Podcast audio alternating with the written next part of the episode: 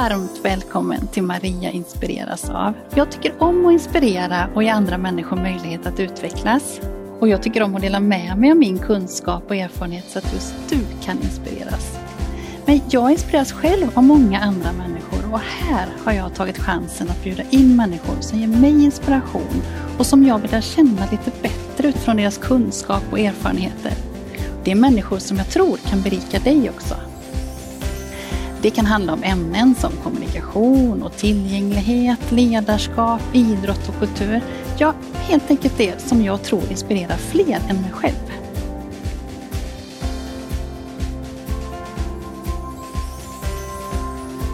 Tycker du om det här avsnittet och andra saker som jag gör så får du jättegärna kommentera och dela och sprida så fler får chansen att ta del av det. Hej allihopa och varmt välkomna till avslutningen av den tredje säsongen av Maria inspireras av. Det har varit så många fina samtal och gäster under den här säsongen och det känns så roligt också att ni är så många som tittar och lyssnar både på vodden och podden. Och jag startade ju den här podden i höstas också just för att ni efterfrågade det. Och eh, där har lyssningarna verkligen skjutit i fart. Men jag kommer hålla kvar det här med vård också eftersom jag tycker att det är viktigt med tillgänglighet och att man också kan titta på avsnitten där. Nu tänker jag idag sammanfatta den här säsongen och ni kommer också få se lite olika klipp från olika avsnitt. Så, så häng på nu! En av höjdpunkterna under den här våren har ju varit att få fira 50 avsnitt.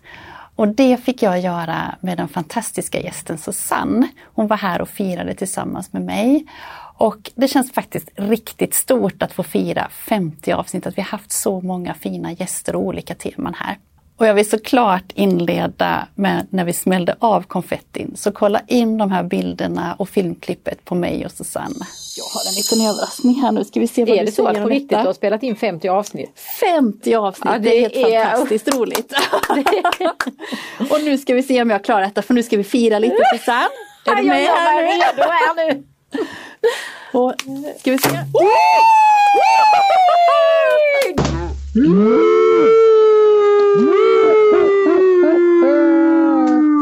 Grym du är!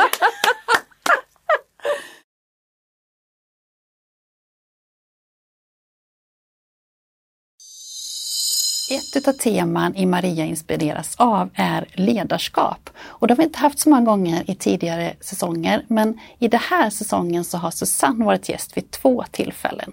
Dels i det avsnittet som vi nyss såg där vi pratade om det goda ledarskapet och också ett avsnitt där vi pratade om goda tillstånd.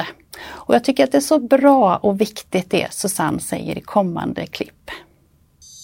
Bland annat i de här böckerna så ja. skriver du ju då om goda tillstånd. Och, ja. Men vad, är, vad, är, vad menar du då? Ja, alltså definitionen på tillstånd kan beskrivas som summan av alla våra tankar och känslor.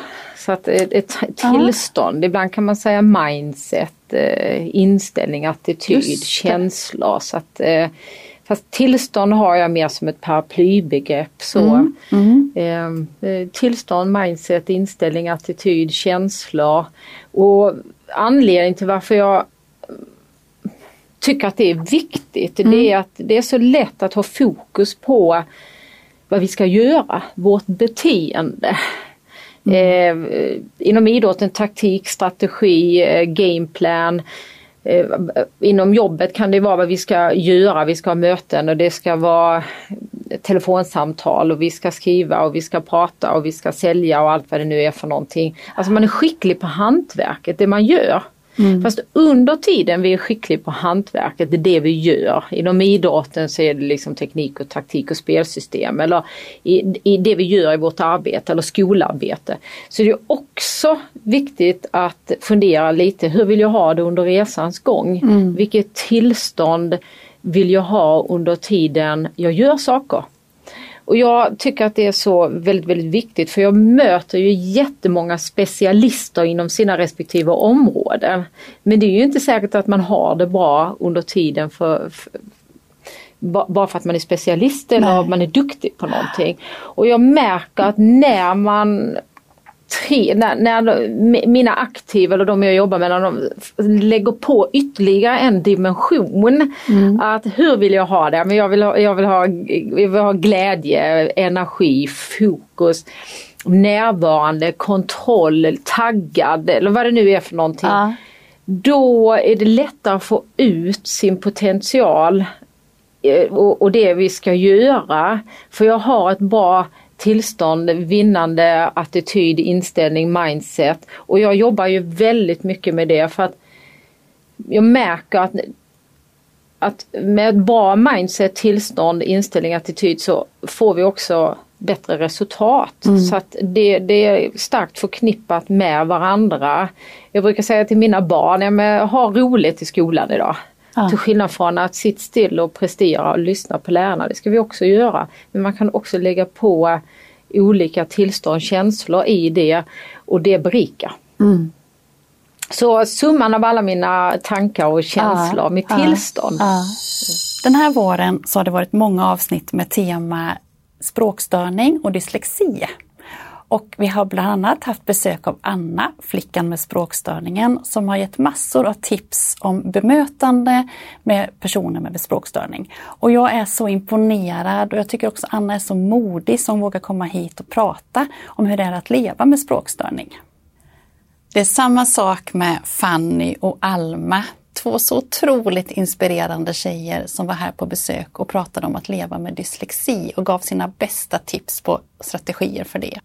Vi skrattade mycket under dessa båda avsnitt och det var så otroligt inspirerande och härligt. Och de är så duktiga på att ha insikt om deras egna utmaningar och också glädjeämnen som de har.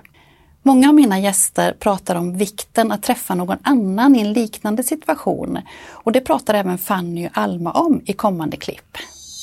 Har ni något sådär direkt som ni känner att ah, men det här måste vi berätta om? Det här är oh, jättebra tips. Jag tror att det som har varit viktigast för oss det är att hitta en annan dyslektiker. Och det ja, det, låter, det är ju ganska svårt att hitta. Man går ut på gatan och hittar en dyslektiker. Liksom. Precis. Eh, men då kan man ju, typ som FDB som vi jobbar för då. Mm. Eh, de håller ju sommarläger och massa sådana saker för dyslektiker. Mm. Eh, och det har nog varit det viktigaste i min diagnos och min självkänsla.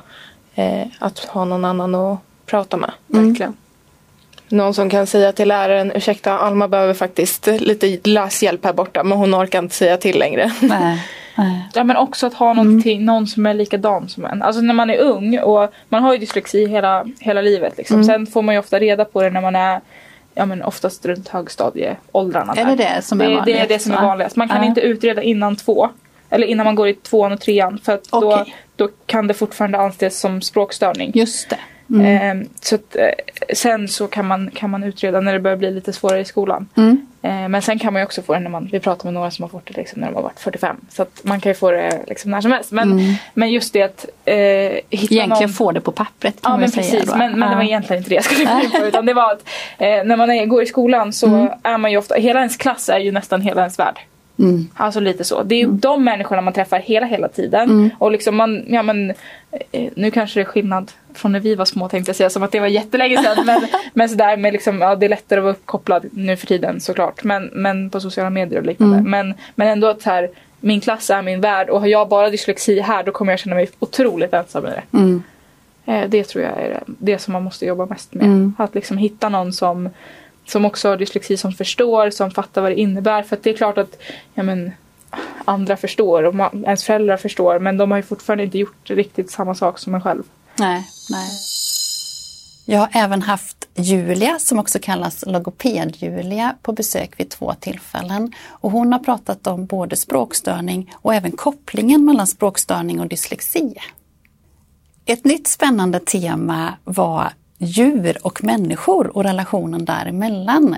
Så jag bjöd in Jeanette som driver Stalllyckan för att berätta just om hennes erfarenheter av kopplingen mellan djur och människor. Och hon berättar också här i ett kommande klipp om hur de arbetar med social tjänstehund. Och två dagar i veckan så kommer vår föreståndare i daglig verksamhet in och jobbar med sina sociala tjänstehundar. Oh, på gården. Spännande! Mm. Berätta, hur fungerar det? Då har hon utbildad socialtjänstehund som hon har med sig. Och det innebär att den hunden är lämplighetstestad för att arbeta både med barn och vuxna. Så man vet att hunden trivs med sitt arbete och klarar av sitt arbete Ja. på olika sätt. Ja. Eh, Och då jobbar hon med främst två deltagare som möter hunden. Och det kan handla om att man sitter och klappar hunden samtidigt som man pratar om olika saker. Man slappnar av när man sitter och klappar hunden. Men man kan också jobba med att träna hund och jobba med riktig hundträning och träna på olika kommandon. Är det någon som inte kan prata så kan man ju faktiskt träna hunden till att eh, förstå teckenspråk. Ah. Till exempel sitt eller ligg eller och vad det kan vara. Så att man kan känna att man kan eh, vara delaktig med hunden även om man inte kan prata verbalt. Just det. Ja.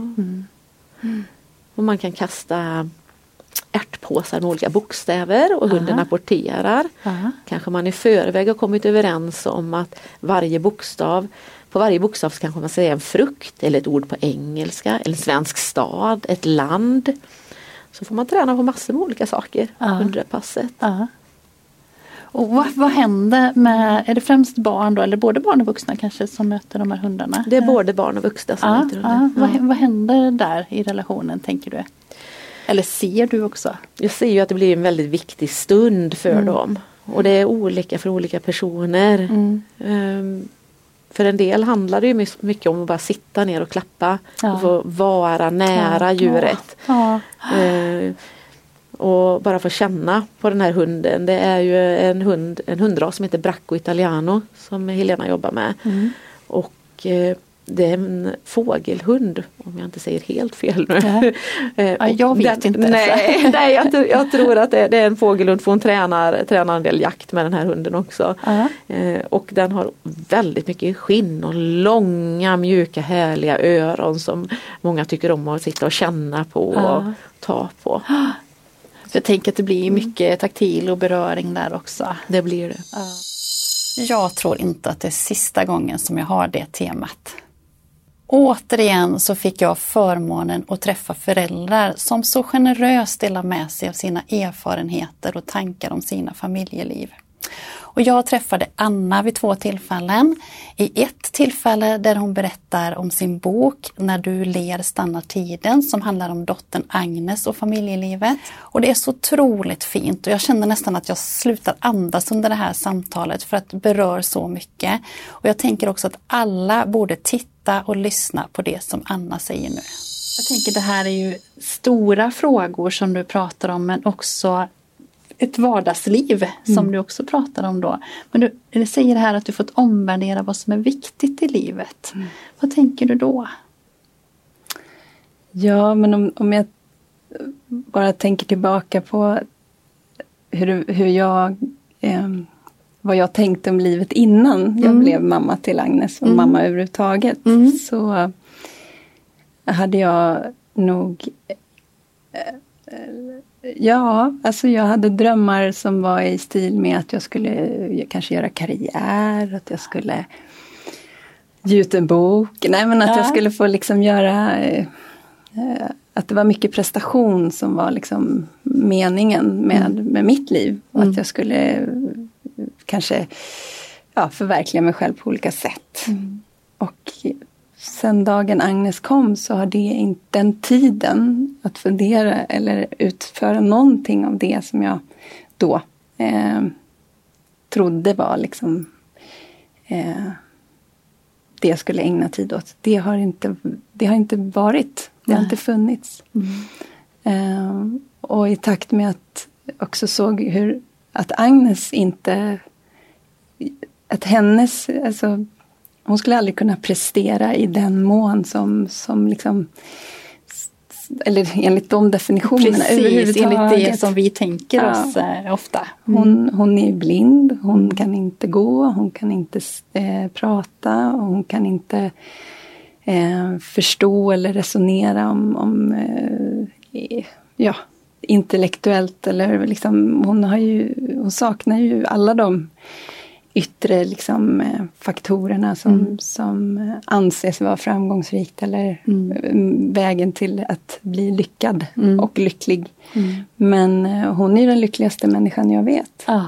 Och att få vara med henne och vara nära henne eh, fyller mig av energi och gör mig liksom mm. lugn och tillfreds och lycklig också. Mm. Anna har också en magisk inledning på avsnittet som handlar om Funkisfamiljen. En bokserie med fem delar som Anna är författare till. Och hon läser inledningsvis första delen ur den senaste boken som heter Operation Framtiden. Apropå böcker så har Julia också varit här och berättat om hur läsning kan stimulera språkutvecklingen. Och hon ger många bra och konkreta tips i det avsnittet. Jag tycker om och tycker att det är viktigt att man använder olika inlärningsstrategier när man lär sig saker. Och jag är så glad att jag fick ha Jessica som gäst. Hon var också gäst i första avsnittet, det som var premiären för Maria inspireras av, när hon berättade bland annat om hur man lyfter ut kommunikationsstöd i vardagen. I det här avsnittet under den här säsongen så berättar Jessica om att spela spel och hur de använder det som inlärningsstrategi på skolan. Självklart så vill jag också ha med idrott och tillgänglighet under den här säsongen. Och det fick jag när Thomas var gäst. Han är projektledare för projektet Vägvisaren som är ett superspännande projekt när man hjälper personer med synnedsättning. Dels till orientering men också att ta sig runt och förflytta sig i samhället. Och jag blir så imponerad och glad när jag ser människor som hjälper andra till upplevelser som de kanske inte trodde att de riktigt skulle ha chans till att göra. Och det gör verkligen det här projektet som nu ska implementeras i vardagen. Apropå upplevelser av olika slag så var det spännande när Eva klev in här i studion igen. Förra gången hon var här så var det ju fullt som ett sinnesstimuleringsrum och den här gången så hade hon med sig alternativa sittställningar. Och här ska ni få se två klipp där ni ser hur jag fick pröva olika alternativa sittställningar när Eva var i studion. Var har jag hamnat nu? Det här är ju spännande. Mm, det är det, exakt. Nu har du hamnat i våran eh, gungstol. Mm. Ja, det känner du? Jag känner det jättehärligt. Ja. Så jag kan ju liksom gunga dig så här mm. om du vill. Mm. Men den slutar ganska omedelbart och då blir den bara en väldigt, väldigt skön fåtölj. Men du kan också ta i för kung och fosterland. Oj. Och så får det, blir det liksom lite träning och lite... Det här och, behöver jag för min mage. Jajamän, och vifta lite med ben, upp med benen. Och, så menar du också? Ja, så. Oj, ja. Utan att vi ska riva hela ja, inredningen hela här. här men, mm. Så det här är ju superhärlig. Ja. Och eh, det kan ju vara härligt eh, återigen nu då att man får prova olika sittställningar och sträcka ut och nu jobbar vi med sinnesrum så mm. detta är någonting vi ofta För nu har. sitter jag ju också böjd här. Ja, ja. så att du kommer upp lite med benen mm. och därmed också kanske om du har lite spänningar i kroppen så är det lättare att få kroppen att slappna av ja, om, man, om man får lite mm. lite vink speciella vinklar som är bra för mig. Eller hur man ska säga. Innan det här kunna få vi vuxna då, att vi gillar att ha i fötterna uh -huh. så att man själv kan Just kontrollera -huh. hur mycket man vill gunga. Uh -huh. mm. Mycket eller lite och den tån, eh, alltså jag tror de flesta kanske har suttit i... Ja. Vad härligt! Ja. Mm. Och andra gungstolar så är det lite sådär att man tror att man ska Just det. ramla baklänges. Mm. Men Så det, det känner inte jag i denna utan här Nej. kan du ta i ganska Här ordentligt. kändes det mer i det, alltså fram och tillbaka. Så. Ja. Mm. Och det här är väldigt lugnande. Fram och tillbaka. Mm. Eh, ibland möter man personer som kanske är väldigt oroliga. Som, för att lugna oron så gör jag så här. Mm. Liksom att gunga fram och tillbaka. Mm. Och det är det här linjära som den här, oh, som man blir alldeles, Mm. nästan lite dåsig. Det finns ett stort intresse för att skapa kognitiv tillgänglighet för människor. Och i höstas så hade jag Linda på besök här och just det avsnittet skapade stor uppmärksamhet och det var många som hörde av sig kring det. Så jag är så glad när Linda kom tillbaka nu igen och fortsatte det här samtalet i det här avsnittet. Här beskriver Linda så bra vad en kognitiv nedsättning kan vara och vad det kan innebära. Men vad är kognition? Ska vi börja där Linda? Ja, det kan vi väl göra. Och eh, kognition är ju hjärnans förmåga att ta till sig information, bearbeta, minnas, plocka fram, sortera i tid och ordning och sådär. Mm. Så att du kan ha en kognitiv nedsättning utan att samtidigt ha en utvecklingsstörning. Eh, så att, eh, att ha problem med kognitionen är ju en, en dold funktionsnedsättning som inte syns. Och om du har eh, kognitiv nedsättning så har du problem med minnet, med språket, med att få, rätt, få fram rätt ord i rätt tid. Eh, att sortera saker, eh, få ordning på tillvaron. Eh, du kan ha problem med tidsuppfattningen, hur lång tid saker och ting tar. Ehm, och du kan ha svårt med simultanförmågan och så. Och de flesta, eh, även du och jag, har ju stunder av kognitiv, eh, när man är liksom lite kognitivt svagare. Ja, när man är trött eller stressad eller har lite ångest över någonting. Ja, ja, precis, precis. Och det här är ju också alla åldrar. Ja, Mm. absolut. Ehm, och, och ofta kan det ju vara i kombination med andra antingen funktionsnedsättningar eller, eller andra problem. Mm. Det är väldigt vanligt om du har en kognitiv nedsättning att du också har problem med sömnregleringen till exempel. Eller att du lätt får ångest eller depressioner. Mm. Så att ehm, det, det är också ofta kombinationer. Mm. Och också att man då har en intellektuell funktionsnedsättning eh, leder ju också till att man har kognitiva nedsättningar. Just det. Den här vodden och podden heter Maria inspireras av och jag frågar ju alltid gästerna i slutet vad de inspireras av och svaren kan ju vara väldigt olika och såklart också väldigt inspirerande. Men det här svaret kom väldigt spontant och jag blev lite överraskad. Nu ska du få se och höra vad Fanny svarade. Fanny? Ja, men jag Mm. ändrar mig väl lite. Eller, så jag håller kvar min, min förra med att drivna människor är absolut min största. Men också väldigt insatta människor. Ja, Alltså det, ja, men bara nu som när vi pratar med, med hon som liksom är här och tar Mm. hon hand som om roddar i det här målet Ja men menar precis, du? precis Ja, att hon är, hon är liksom så här Ja, men hur mycket man kan lära på så kort tid av henne. Ja, ja. Det är ju coolt att jag börjar så fråga hur hon eh, höll på på gymnasiet och hur hon kom hit och Ja. hur hon kan all den här tekniken och allt sånt här. Liksom. Alltså såna, det är ju ett exempel. Liksom. Men det kan ju också vara att ja, men jag har väldigt, tycker väldigt mycket om djur Mm. och jag kan träffa någon som är jätteinsatt i hästar. Mm. Och då kan jag också bli så här att det är liksom så att insatta människor som kan väldigt mycket om sina, sina intressen. Det är också wow. Det är coola människor. Ja, det är coola människor. Ja. Jag kan ju ändå inflika, jag håller med att Molly är en fantastiskt cool människa faktiskt. ja. ja, Molly är ju en väldigt cool människa och här har ni henne. Det här är Molly som roddar i det tekniska på alla avsnitten. Men du Molly, hur kändes det när Fanny sa så? Ja, det var ju väldigt oväntat måste jag säga, men man blir ju alltid glad såklart. Ja. Det var väldigt eh, kul. Men jag kan ju bara hålla med henne. Du är ju fantastisk. Men du Molly, vad är det du gör egentligen där bakom? Det är flera kameror vi har här inne också. Det är ju det. Ja. Och jag sköter ju det mesta kan man säga. Mm. Jag eh, klipper ju eh, avsnittet live kan man säga. Mm. Så att jag klipper mellan tre olika kameror under tiden som eh, ni samtalar. Ja, Men försöker hålla mig så mycket i bakgrunden som möjligt så att jag inte stör er. Ja. Och sen så redigerar jag avsnittet också. Mm. Det är superbra och du har ju nästan gjort alla avsnitt faktiskt. Ja det kan man ju säga. Jag precis började så hade ju ni precis börjat med vodden. Precis. Och då fick jag ju vara med eh, under och vara med och titta när ni spelade in de första avsnitten och det var ju väldigt roligt. Ja. Och du brukar också säga det efter varje gäst att bara wow vilket samtal, vad, vad fint och vad mycket den gästen har att ge. Jag får ju den turen att lyssna på alla avsnitt och alla fina människor som är med eh, innan alla andra. Och jag får ju se det många gånger också eftersom att jag redigerar. Så jag har ju den fördelen kan man ju säga. Du kanske är den som har tittat på de flesta avsnitt. faktiskt. Absolut, det tror jag verkligen. Ja, det är härligt. Men du Molly, nu händer ju någonting faktiskt med eh, studion och eh, framtiden. Vad är det som kommer hända? Och det händer ju massa grejer egentligen. Men den eh, kanske största grejen för eh, vodden speciellt är ju att vi ska flytta till en ny studio. Och så ja, verkligen. Det ska bli väldigt spännande. Och mycket större kommer det ju bli. Så det blir väldigt roligt.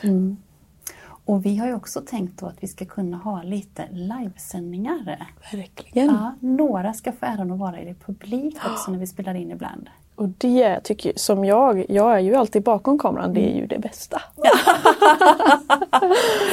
Ja, härligt, härligt. Ja hörni, det kommer hända spännande grejer här framåt. Och jag har också en spännande nyhet som jag kommer arbeta med under sommaren. Så jag hoppas att ni håller utkik i mina sociala kanaler och på hemsidan så kommer jag berätta om detta så småningom. Nu vill jag säga ett stort och varmt tack till alla er som har tittat och lyssnat och till mina fantastiska gäster och till dig Molly också som har varit med och roddat i alla avsnitt. Nu ser vi fram emot en ny säsong i höst och jag vill önska dig en riktigt fin och varm och glad sommar. Ja, Molly, ska vi eh, plocka ihop här nu då? Ja, det gör vi va? Ja, och så precis. drar vi. Så drar vi till den nya studion helt Det gör enkelt. vi. Yes.